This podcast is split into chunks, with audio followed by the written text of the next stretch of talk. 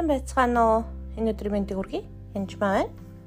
Тэгэхээр та бүхэнд би түрүүчийн эпизодоор аав ээж болон хүүхдтэй холбоотой гомдлын талаар ярьсан байдаг. Аа энэ удаа би бас үргэлжлүүлэн ярилцъя гэж бас бодож байна. Тэгэхээр хүүхдүүд маань ялангуяа аав ээж нас хол явах үед маш их бас гомдож, гансарж, хэцүү байдалд орж үнээсээ болоод аав ээжээс их өнчирсэн хагцсан байдалтай байдаг. Дөрвөлж гомдож байдаг. А тэгтээ бас гомдогоо тохиолдож байж болно. Тэний удаа би өөр нэг жишээ ярьж өгч бодсон юм. Нэгэн эмэгтэй байсан. Эмэгтэй маань нөхөр нь хаяа явсны дараа гэр орнод ижихэд хэцүү болоод Солонгос руу ажиллахаар явсан. Тэгээ хоёр хүүхдээ үлдээгээд аав аав ээжтрээ үлдээгээд явсан. Тэгээд тэр хооронд гэр лугаа мөнгө явуулдаг, ажилдаг, нэлээд шаргуу ажилдаг байж байгаа. Тэндээсээ Америк нэгдсэн улсад хурж ирээд тэгээ хоёр хүүхдээ татаж авсан. Хичнээн тийм боловч бас виз, бичиг баримт гээд нэлээд хугацаа ороод нэлээд жил алдсан ба.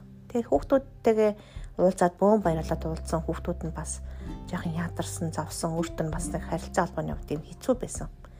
Гэсэн хэдий боловч өөрөө болон хүүхдүүд нь бас хоёул бүгдээрээ гуруула итгэж болсны хүчинд харьцангуй гайгүй амьдралтаа цааш нь явсан. Хэдий тийм боловч гэсэн тэр эмэгтэй маань баян чихэн дээр нь нэг зүйл өгүүлдэг байсан юу гэхээр чи хүүхдүүдэд хайж яваа үсттэй гэл буруутгаал.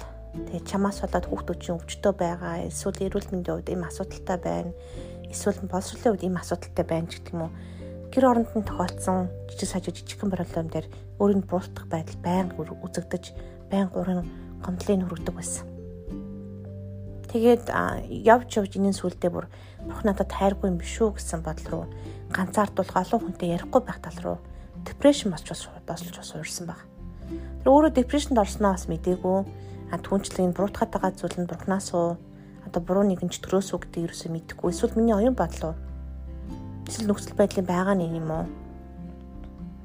гэдгийг ялгаж чадахгүй байсан. Тэгээд канцлын уудалтанд яг ирэх үед зүйл хүчгээ авах үед эмэгтэй маань хичнээн сайн итгэгч маш олон жил залбирал хийдэг, хүмүүст тусалдаг тийм боловч нэг л тийм гонигтай асуултууд нь би залбирч чаддгүй бүх надтай ойрхон уу би бурхныг яаж дуулах сайн сонсох вэ гих мэтчлэн олон асуултуудыг асууж исэн.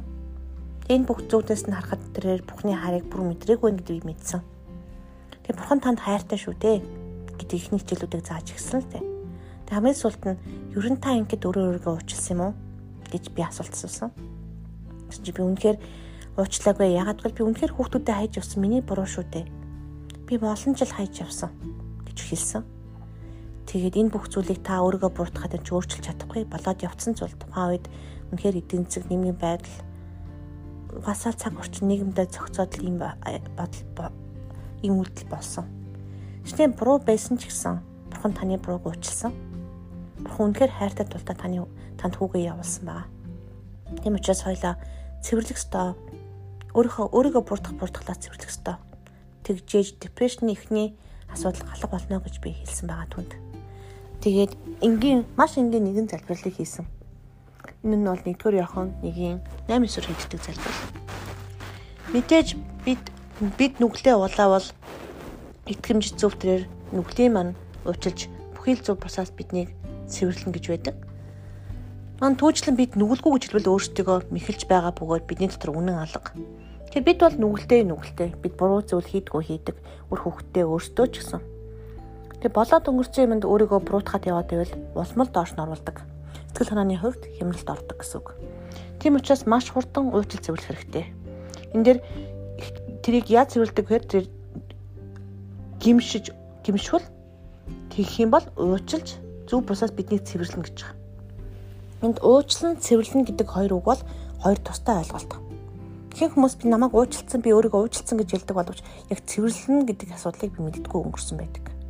Энэ цэвэрлэгээ дутуу байх үед хүмүүс нөгөө үзэл бодол нь дахин дахин оржиж зовоождөг. Байнга буруутгалын бодлууд, буруутгалын сүнсүүд орж иждэг. Мэдээж сүнсүү бодлог бүтгийг би дараа нь ялахад 5 дахь хичээлээр орж үл идүүсэн тайлбарлаж өгч чадна. Харин подкастын хувьд бол товчхон учраас та бүхнийг хичээлд нь орж ирсэ гэж уриалж байна. Тэгээд бас библиэс амшаараа хүмүүсээ Тэгээд буруутгал орж ирэх үед та гимших уучлал цэвэрлэхээс гадна буцаад Бурхны хайр ямар үнэтэй гэдгийг мэдэх явдал нь илүү чухал байдаг. Гэрэл харанхуйг ялдаг, харанхуйг харанхуйгаар дийлдэггүй. Тийм учраас Бурхны хайрыг илүү мэдэх явдал нь бол уучлалт хамгийн их тус төхөмтөө зүйл. Та бүхэнд дараагийн дугаар хүртэл баяртай. Баярлалаа.